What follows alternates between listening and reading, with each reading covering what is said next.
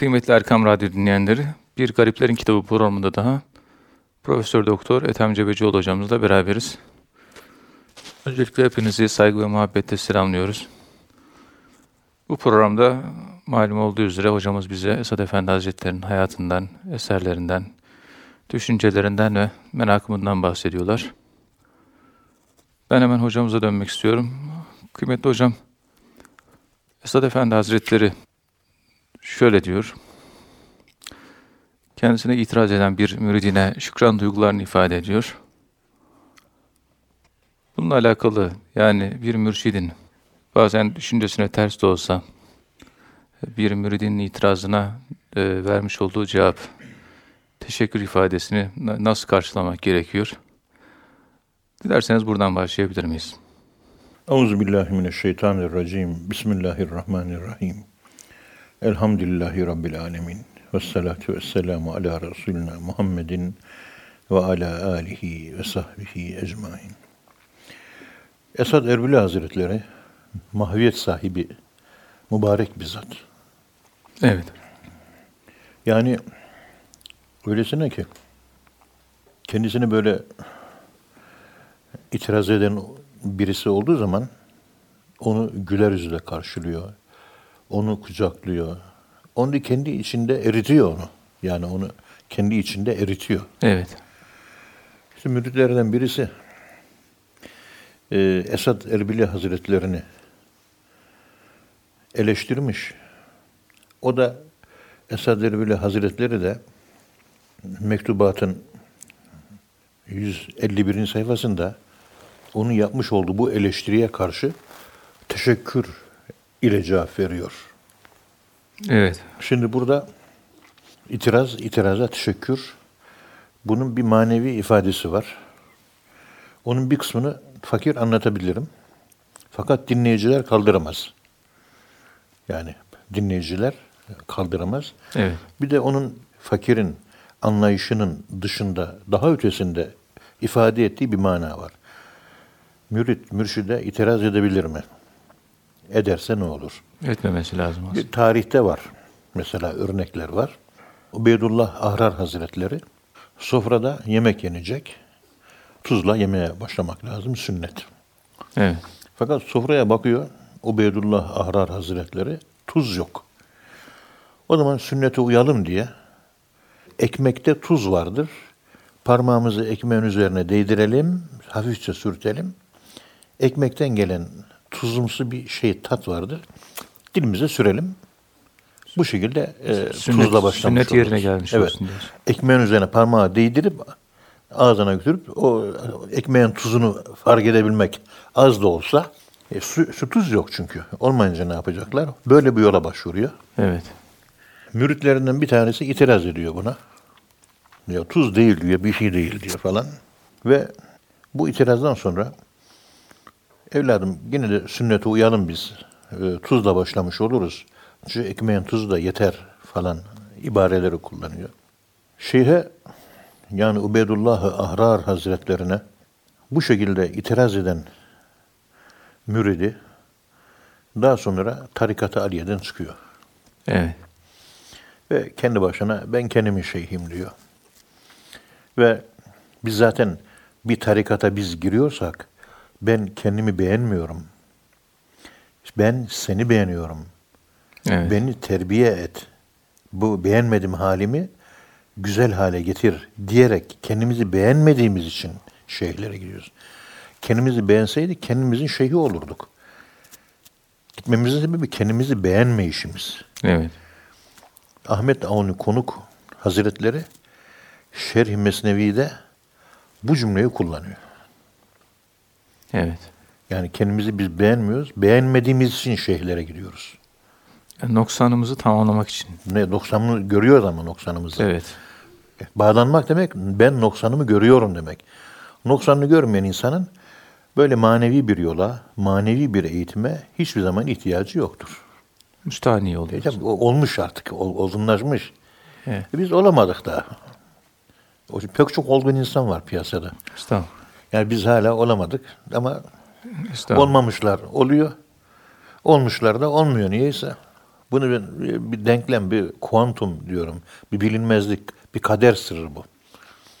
Olanlar oldum demiyor, olmayanlar oldum diyor. İşte böyle bir garabet yaşanıyor.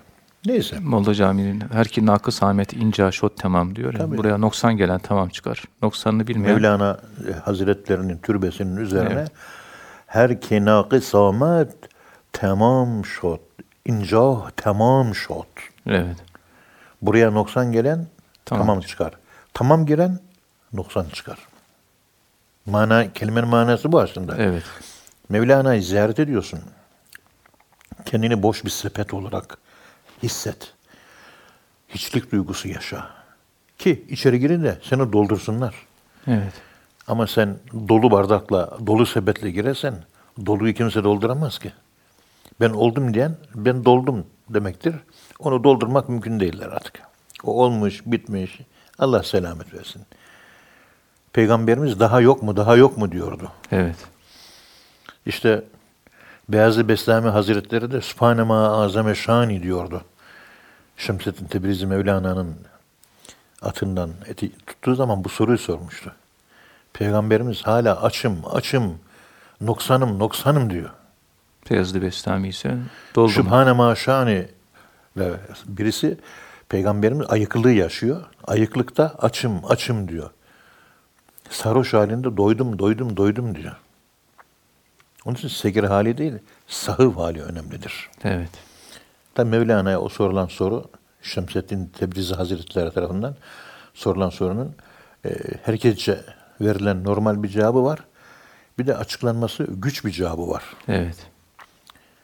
Yani peygamberimizle Cüneyd-i Bağdadi gibi bir zat peygamberle kendisine mirasçı olan bir evliyanın mukayese edilmesinin hikmeti nedir acaba? Yani sen at üzerinde gidiyorsun, sen doldun, oldun mu? Sonra esas Mevlana'ya. Yani aşağıya çekmeye çalışıyor. He, bak ben aşağıdayım diyor. Evet. Aşağıdan tutuyorum. Yani ben kendimi ihtiyaçlı görüyorum. Senin gibi atta değilim. Sen de aşağı in, bir yere bas, yerden yürü. Yani yükseklere çıkmaktan vazgeç. Macera ondan sonra başlıyor. Zaten Macera ondan sonra yani anlatılamayan yönü bu konuştuğum sözün arka plandaki fikri açılımlar, fikir helezonları, mana helezonlarıdır. E, dinleyicilerin çoğu yerde kafası karışır diye bunları hep çoğunu es geçerek konuşuyoruz. Çünkü hakikate dair sözlerin önemli bir kısmının dışı küfürdür. İçi hakikattir. Evet. Buna üst dil adı verilir. Olgun insanlar dahi üst dili anlamıyor. Evet. Nahküm, nahküm biz zevahir, vallahu yetevelle serair. Biz dışa göre hükmederiz. İşin iç yüzünü Allah bilir. Doğru yolda budur. Hakikati, hakikat ehline konuşursunuz. Evet. Efendim,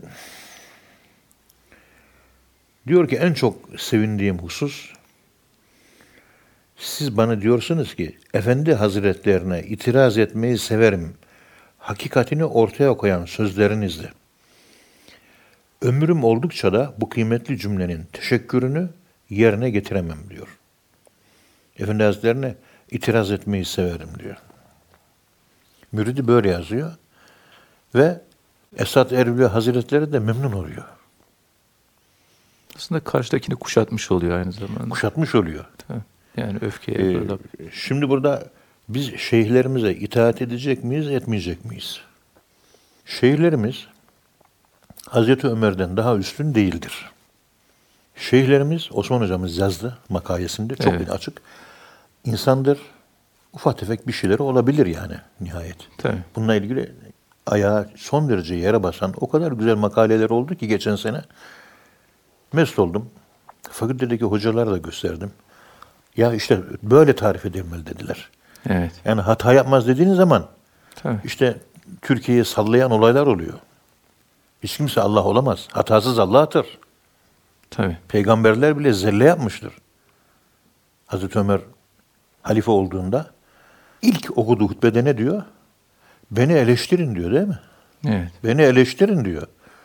Ha o manada hakkaniyetli eleştirmek müridi göklere yukarı çıkarır. Ama şeyhi anlamadan eleştirirse bu sefer de yerin dibine batar. şeyhi anlayacak insan olmadığı için bugünkü cahil müritlerin yapacağı eleştiriler hepsini batağa sokar. Allah muhafaza buyursun.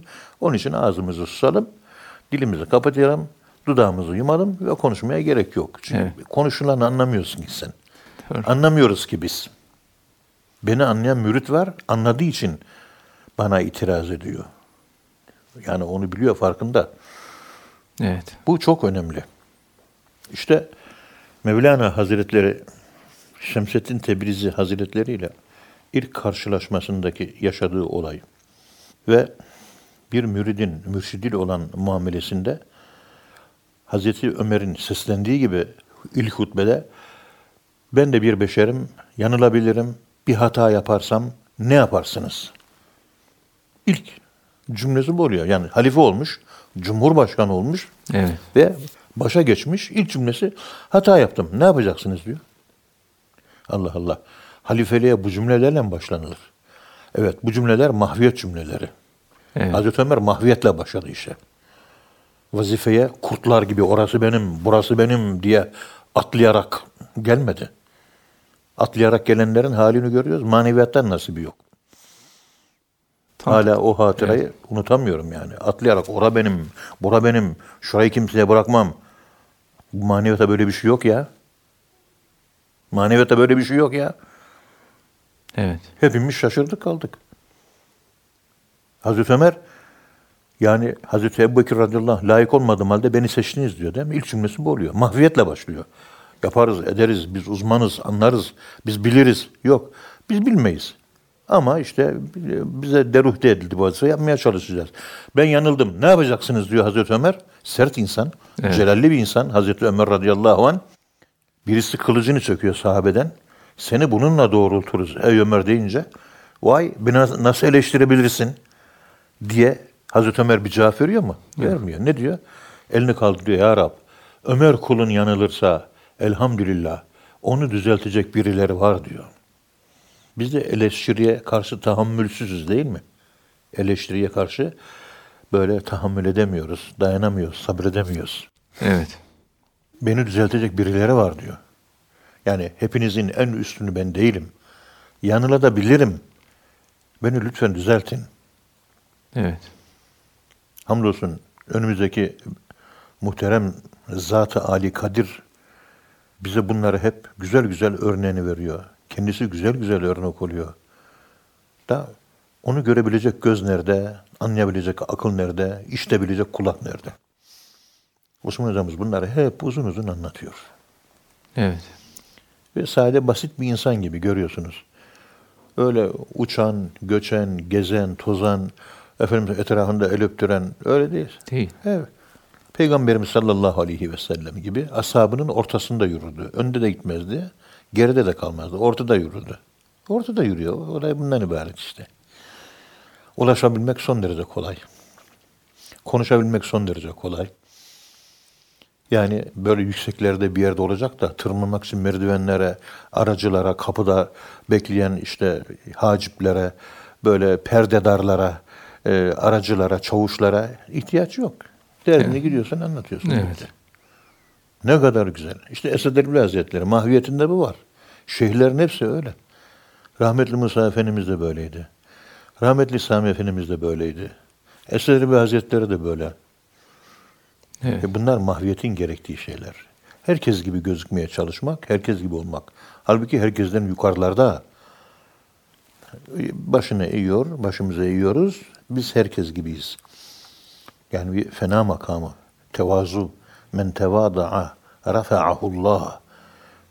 Böyle Allah için tevazulu olana Cenab-ı Allah ref makamı, yükselme makamı verir. Onun derecesini yükseltir. Evet. Onun için ne varsa ne bulduksa tevazu da bulduk diyor. Ebul Hasan Karagani Hazretleri. Ne bulduysak tevazu da bulduk diyor. Evet.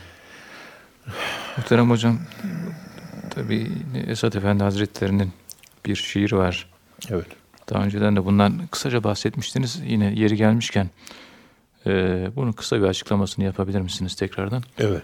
Şöyle diyor Esat Efendi Hazretleri, vardık da bir piri kamile, taş olsa değil yumuşak olur, firavun ise nefsin yakın bir murdan alçak olur. Oldunsa vakıf acine edna amel bir dağ olur. Çürüklerin hep sağ olur. Zehrin kamu bal yağ olur. Dağlar yemişli bağ olur. Cümle cihan bostan sana diye. Divanı da geçen bir şiiri. Yani bir mürşid-i kamilin huzuruna gitmek, onun eğitiminden geçmenin meyveleri, neticeleri nelerdir? Bunu çok güzel bir şekilde burada ifade ediyor. Bunu dinleyicilerimize e, açıklayabilir misiniz? Efendim bir mürşid-i kamile ben öğrenci olabilirsem ne olur? Ben bir dönüşüm yaşarım.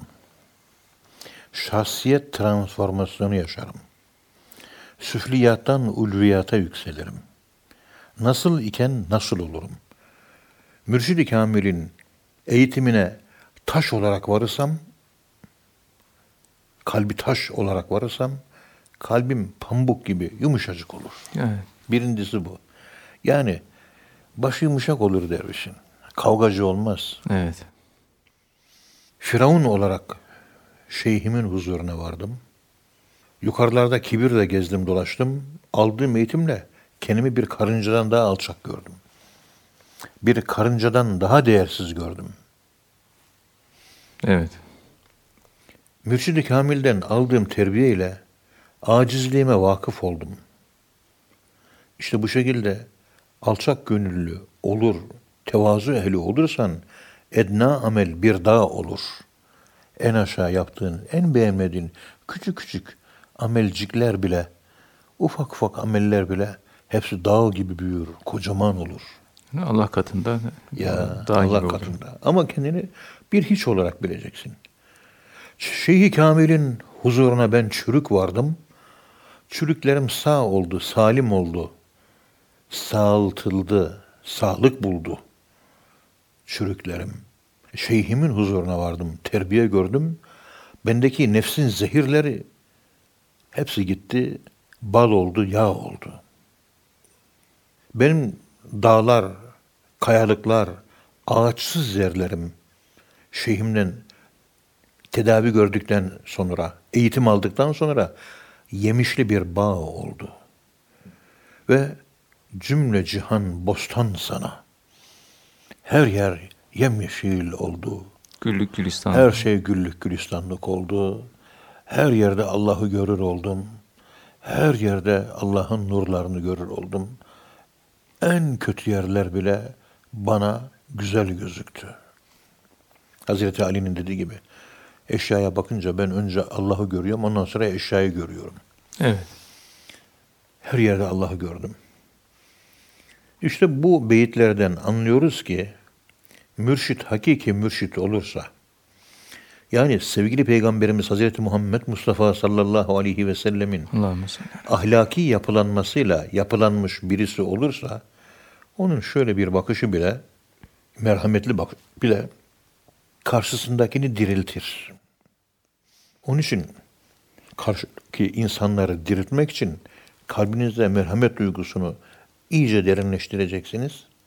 O merhamet duygusuyla gözünüzü açıp merhametle bakacaksınız. Evet. Karşınızdakini bakımını üstlendiğini çocuğunuz gibi görüyorsunuz. Hürmet etmeniz gereken babanız, anneniz gibi görüyorsunuz. Merhametle baktığınız zaman Merhametle bakınca. çocuğunuza, babanıza, ananıza olan iç transformasyonu yaşıyorsunuz. Onlar hep merhametliyiz. O da yapılandırıyor yani. Sen bu merhametli bakışı tanımadığın insanlara çevirdiğin an hepsi sana akraba olur. Evet. Hepsi sana evlat olur. Hepsi sana kardeş olur, bacı olur. Hepsi sana ana olur, baba olur. Hepsi sana teyze olur, hala olur. Daya olur, amca olur. Merhametle bakarsan. Merhametle kurp yakındır. Onun için merhamet beslediğimiz yakınlarımıza akraba, kurp sahibi, kurbiyet. Allah'a kurp için de, akraba olmak için de aynı merhamete yine sahip olmak lazım. Bu sefer Allah'ın yarattığı, Hakk'ın yarattığı halka karşı merhamet. Hani anamıza, babamıza, amcamıza, dayımıza, teyzemize, halamıza, Evet. oğlumuza, kızımıza, kardeşlerimize, bacılarımıza olan merhametimizi insanlara yansıtır. Hepsini o şekilde görürsek işte o zaman da Cenab-ı Allahü Teala Hazretlerinin merhametine mazhar oluruz. Bütün insanlara merhamet Şefkatli mahlukatillah. Bütün mahlukata şefkat. allah Teala'nın şefkatini celbeder. Merhamete merhametle muamele ediyor Allah. Merhametsize de merhametsizlikle muamele ediyor Allah. Evet. Esad Efendi'ye göre, Kuddise Sirruh Hazretlerine göre insan bir pir kamilin önünde ancak cevherini ortaya çıkarabilir. Veya diğer bir ifadeyle kendini gerçekleştirebilir. Ama pir kamil. Pir olgun, yaşlı anlamına geliyor. Evet. Siz 30 yaşında olgunsanız ihtiyar sayılırsınız, pir sayılırsınız. 70 yaşında çiğseniz pir sayılmaz, genç, nefis sahibi, avam sayılırsınız. Olgun insan anlamına geliyor. Olgun insanı, ak saçlı manasına geliyor. Evet. Hani Orta Asya'da aksakallar toplantısı yapılıyor ya. Akil insan. Yani, Akil insanlar, olgun insanlar, evet. kuşatan insanlar, anlayan ve anlatabilen insanlar. Ya. İşte bu olgun insanlar, olgun olduğunun alameti huzuruna varan insanların hepsini içindeki kabiliyetleri, güzellikleri ortaya çıkarmaya muvaffak olan insandır. Evet. Çıkaramıyorsa ona kamil bir şeyh denmez. Evet. Tabi müridin tam teslim olması şartıyla. Tabii. Teslimiyeti olmayan müride şeyhin yapacağı hiçbir şey yoktur. Allah'ın izniyle bunların hepsi. Evet.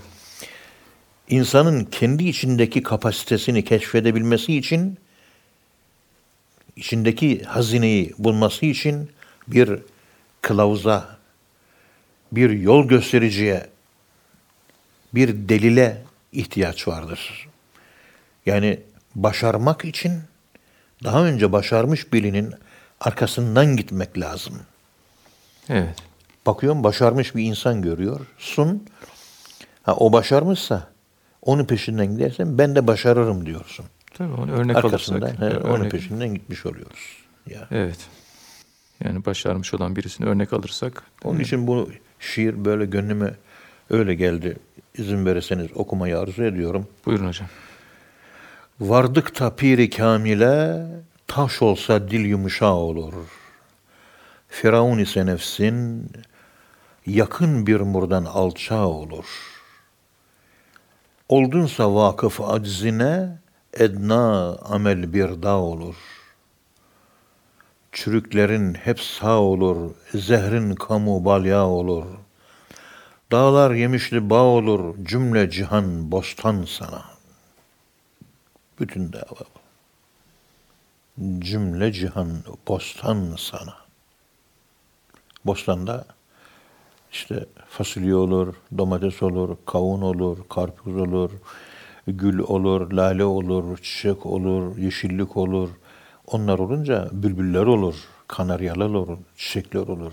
Onlar olunca hayat olur. Hayat bulursun.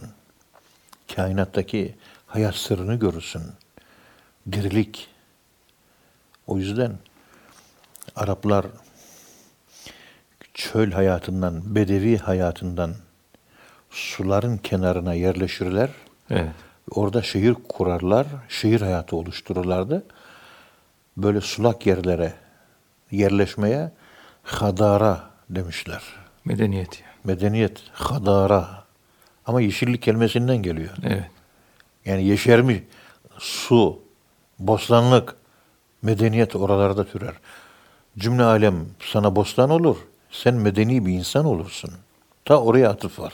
Evet. Nerede bir su var, orası oasis. Orası vaha. Hemen insanlar orada toplanmaya başlar. Evler olur. İnsanlar yerleşik hayata yerleşir. Bostan yapar, hayatını geçindirir.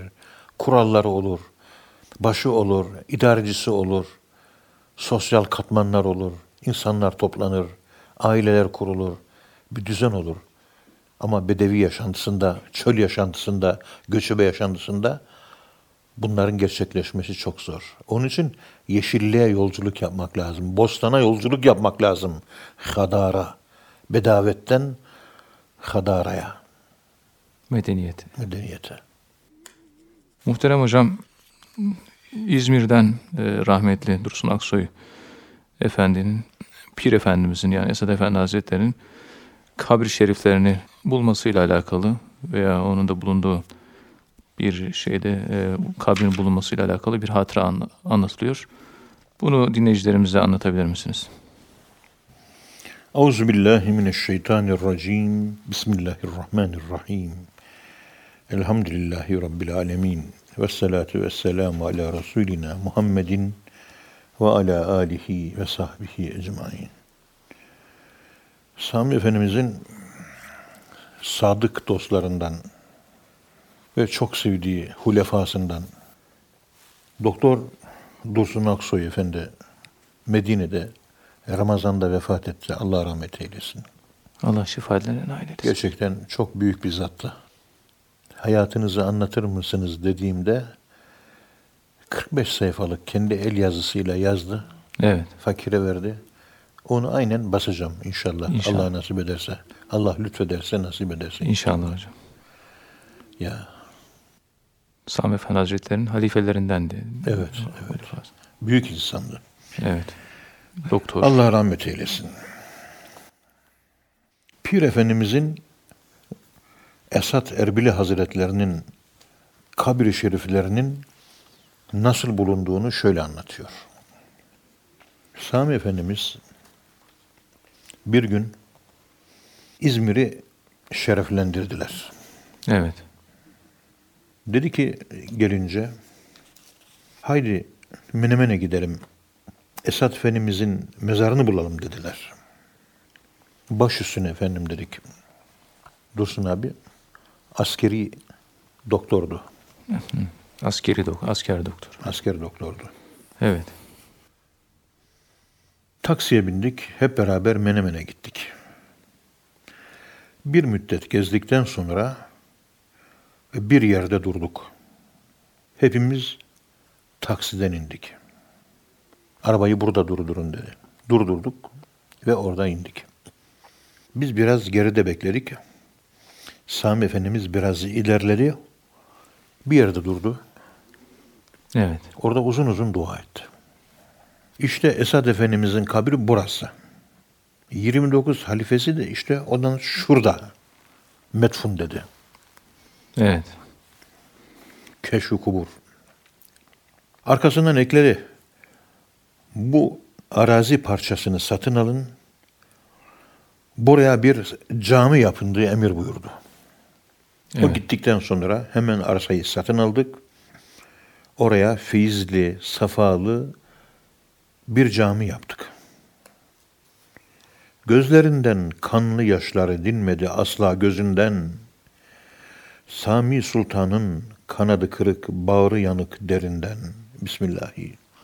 Esad Erbil Hazretlerini tıpkı Yakup'un Yakup Aleyhisselam'ın, Yusuf Aleyhisselam'ın kokusunu aldığı gibi Esad Erbil Hazretleri'nin kokusunu aldı.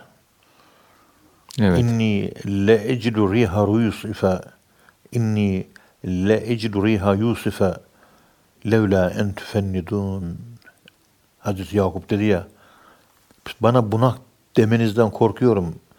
Eğer bana bunak demeyecekseniz şu anda Yusuf geliyor bana doğru. Onun kokusu geliyor burnuma dedi. Evet. Gözleri de görmez olmuş. Yani görmüyor ama kokusunu hissediyor. Kokusunu aldım diyor. Sami Efendi Hazretleri de kendi Yusuf'unun kokusunu almıştı Menemen'de. Ve Yusuf Aleyhisselam nasıl zindanlara gitti, kayboldu. Esad Erbil Hazretleri de Menemen'de kayboldu. Ya Evet. Yakup'un Yusuf'u aradığı gibi efendisini aradı ve sonunda Esad Erbil Hazretlerini Menemen'de buldu. Ruhlarına bir Fatiha, üç kulhu okuyalım. Euzubillahimineşşeytanirracim. Bismillah. Sıratellezine en'amte aleyhim. Muhterem hocam yine tabii e, Pir Efendi'nin, Pir Efendimizin kabri şerifleriyle alakalı bir hatıradan bahsediliyor. Kayseri'den gelen bir müridinin Esad Efendi'nin mezarına gidip orada işte onu bulup orada bir Fatiha okuma isteği ve arzusu neticesinde e, Menemen'de yaşamış olduğu bir hadise, e, bir olay var. Bunu dinleyicilerimize anlatabilir misiniz? Evet efendim. Vefat ettiği sırada Pir Efendimizin kabir şerifleri gizlice yapılan bir defin ile halkın gözünden uzak tutuldu, gizli tutuldu. Yani nereye defin yapıldığı bilinmedi. Evet, aile, aile- ailesine de verilmiyor. Verilmiyor. Evet, Kimseye gösterilmedi. Böylece gözden uzak bir yere götürüldü ve defnedildi. Ve defin işi gece yapıldı. Aradan uzun yıllar geçti. Kayseri'den gelen bir müridi araştırmak ümidiyle, bulmak ümidiyle Menemen'e geldi. Olayı kendisi şöyle anlatıyor. Pir Efendimizin kabirini sormak için münasip birini ararken gözüme kesirdiğim birine Esat Efendi'nin Kudüs'e Sırruhul Aziz Hazretlerinin kabrini ziyaret etmek istiyorum. Acaba nerede biliyor musunuz diye sordum. O zat aman kardeş, aman kardeş sus, ses çıkarma. Sana sessizce tarif edeceğim dedi. Beni yanına aldı. İkiye ayrılmış bir dağın eteğine götürdü ve oradan bana tarif etti. Bak şu yukarıdan gelen derenin ikiye ayrıldığı yerde dur dedi. evet, Şu dereyi görüyorsun. Yukarıdan aşağı geliyor. Oraya git. O derenin ikiye ayrıldığı yerde dur. Sağına bak, soluna bak. Mutlaka ve mutlaka burnuna güzel bir koku gelecek. Bu güzel kokunun kaynağını takip et.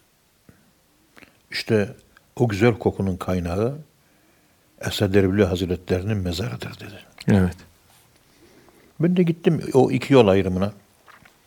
Tarif edilen yerde durdum. Orada her tarafı manevi bir gül kokusu sarmıştı. Ve kokunun geldiği yere doğru yöneldim. Kaynağını buldum ve başında durdum. Gördüm ki hakikaten bozulmuş, şekilsiz ama kabire benzer bir şey, bir izler var. evet, O kabrin başında kabir adabına riayet ederek okuma ve bağışlamalarımı yaptım. Orada murakabeye daldım. Esat Efendimizin ruhaniyetini ruhumun ta derinliklerinde hissettim. Ve orasıydı diyor. evet. Demek Yani ki güzel kokusu her yerden duyuluyor. Güzel kokusu her yerden hissedilebiliyor. Yani güzel insanların güzel kokusu olur.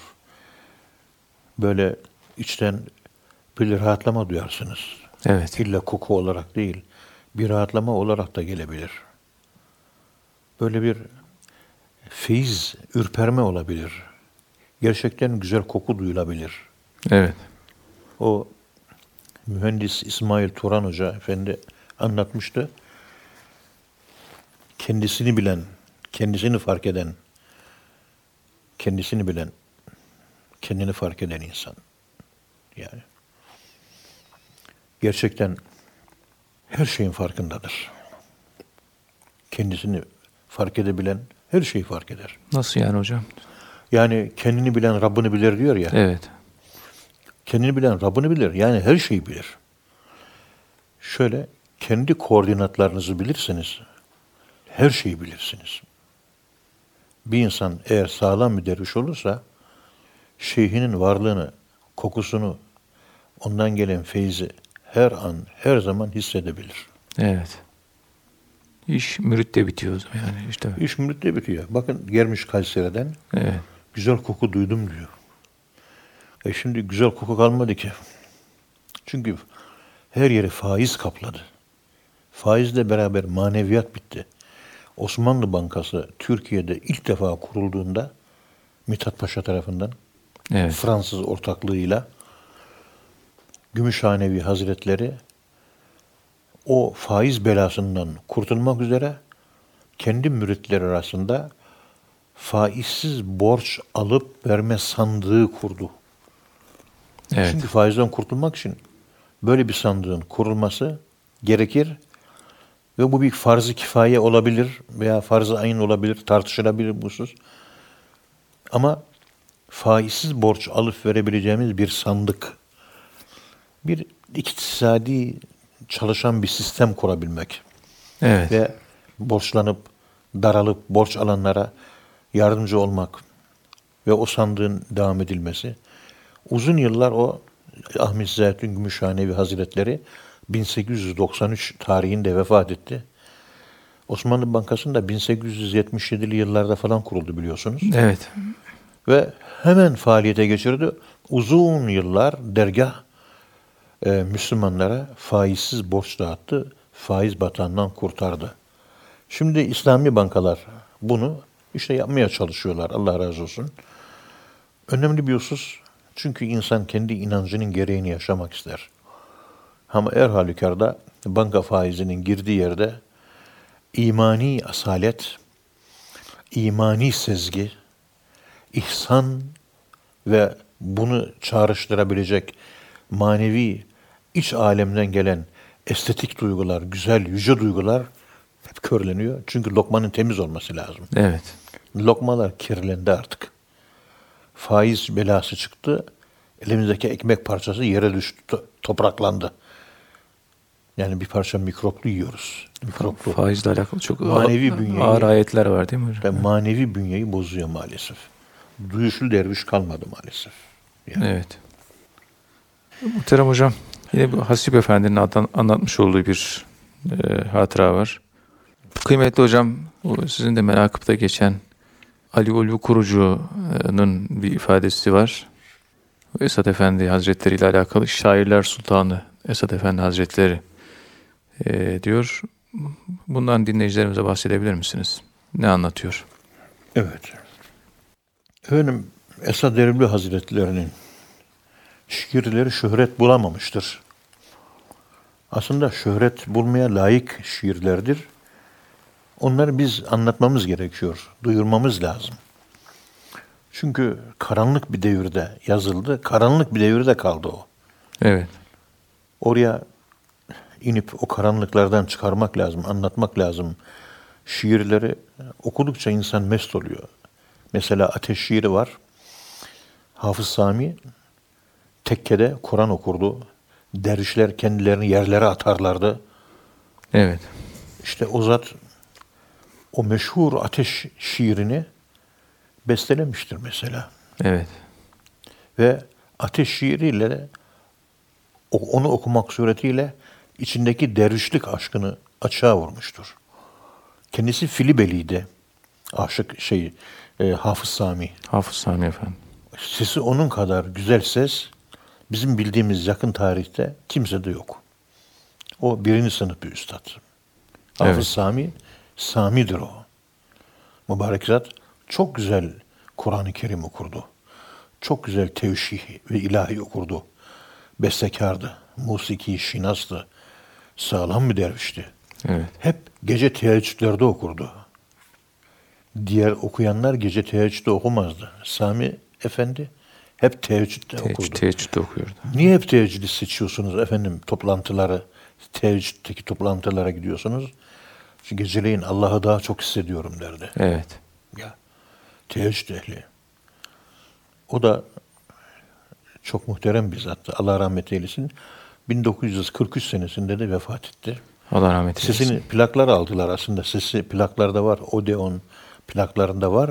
Ama sesin orijinal güzelliği o zaman ses fonetik e, üzerine mekanik çalışmalar gelişmediği için tam onun sesini yansıtamıyor. Evet. Ancak gölgesini dinlemiş oluyorsunuz. Bülbül gibi şakıyor. Ben bir dinledim. Ha bülbül, bülbül mü şakıyor? Acaba o mu? Bir gece Rumeli tarafında bir ormanlık bir bölge. Orada birisinin büyüklerden birinin bahçesinde mevlüt okuyor. Evet. Öyle okuyor ki bir bülbül de başlamış o sırada ötmeye. Bülbül ötmüş, Hafız Sami. Hafız Sami okumuş, bülbül ötmüş. En sonunda bülbül susmuş, dinlemeye başlamış. Ali Rıza Saman diyor ki, bu olay gerçekten oldu mu efendim? Böyle bir şey duyuyoruz. Siz okudunuz, ötmekte olan bülbüller sustu diyor. Evet oldu dedi diyor. Evet. Falanca bir zatın bahçesinde teheccüd vaktiydi diyor. Ya. Yani, evet. Efendim Esad Erbil Hazretleri şiirlerindeki letafet, şiirlerindeki mana zenginliği ve ustalık, edebiyat sahasının uzmanlarının dikkatini çekmiştir. Konuyla ilgili olarak şair, Allah dostu Ali Ulvi Kurucu rahmetullahi aleyh şöyle diyor. Evet. Efendim Esat Efendi Hazretleri Nola bir kerre şad olsun cemali ba kemalinle ki kemter bendeniz esad sana feda olmak ister. Mısra'ında dilediği gibi hakikaten Resulullah sallallahu aleyhi ve sellem Efendimizin yolunda şehit düşmüş bir mümin kamil, bir veli muhlis idi. Yani şiirde sana... Şiirinde diyor ki, Evet. Ya Rab, bendeniz aciz bir esadım, sana feda olmak, uğrunda ölmek istiyorum. Ve ölmüştür diyor uğrunda. Menemen'de şehit olmuştur. Onu dilemiş, öyle dua etmiş. ve Allah da kabul etti Allah da duasını kabul etmiş. Canını verdi Allah'a. Evet. Ah,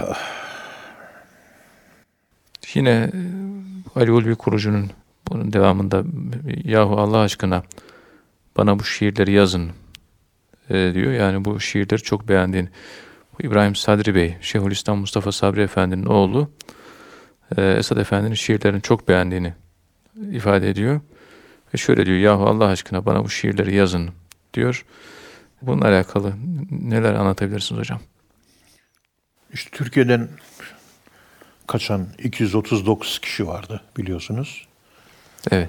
Onlardan bir tanesi de Şeyhülislam Mustafa Sabri Efendi'ydi. Oğlu İbrahim Sadri Bey.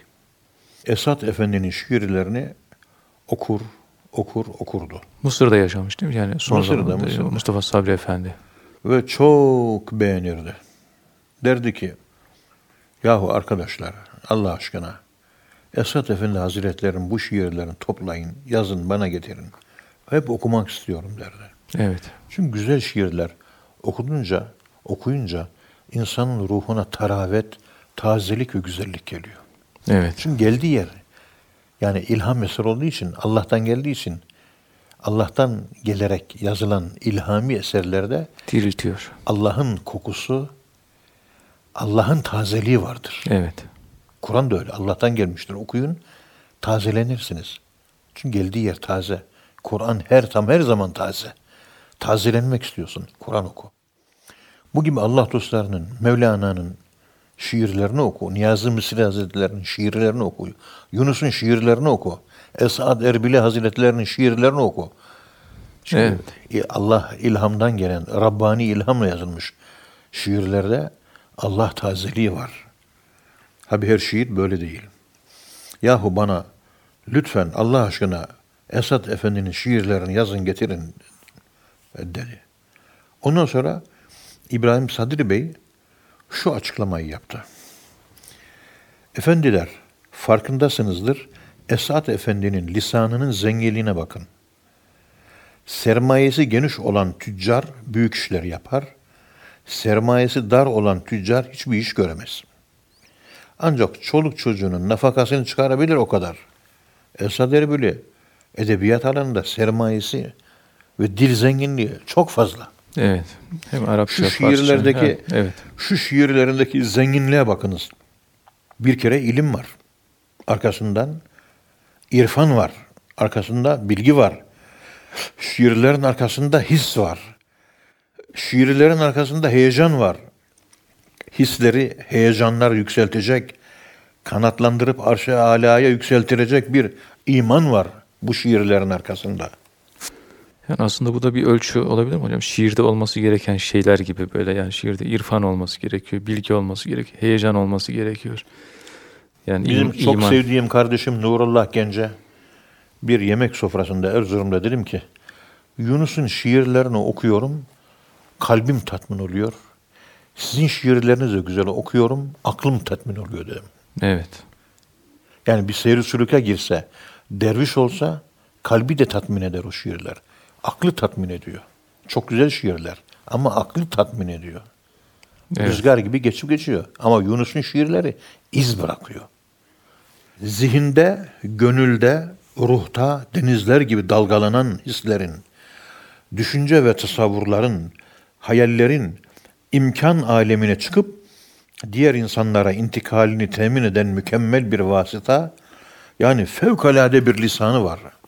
Şu kelimelere bakın. Şair Esat Efendi Kuddisesi Ruh en ufak bir kelime sıkıntısı çekmiyor. His ve heyecanlarını neredeyse aynen bize de hissettirip duruyor. Bizi de heyecana getiriyor.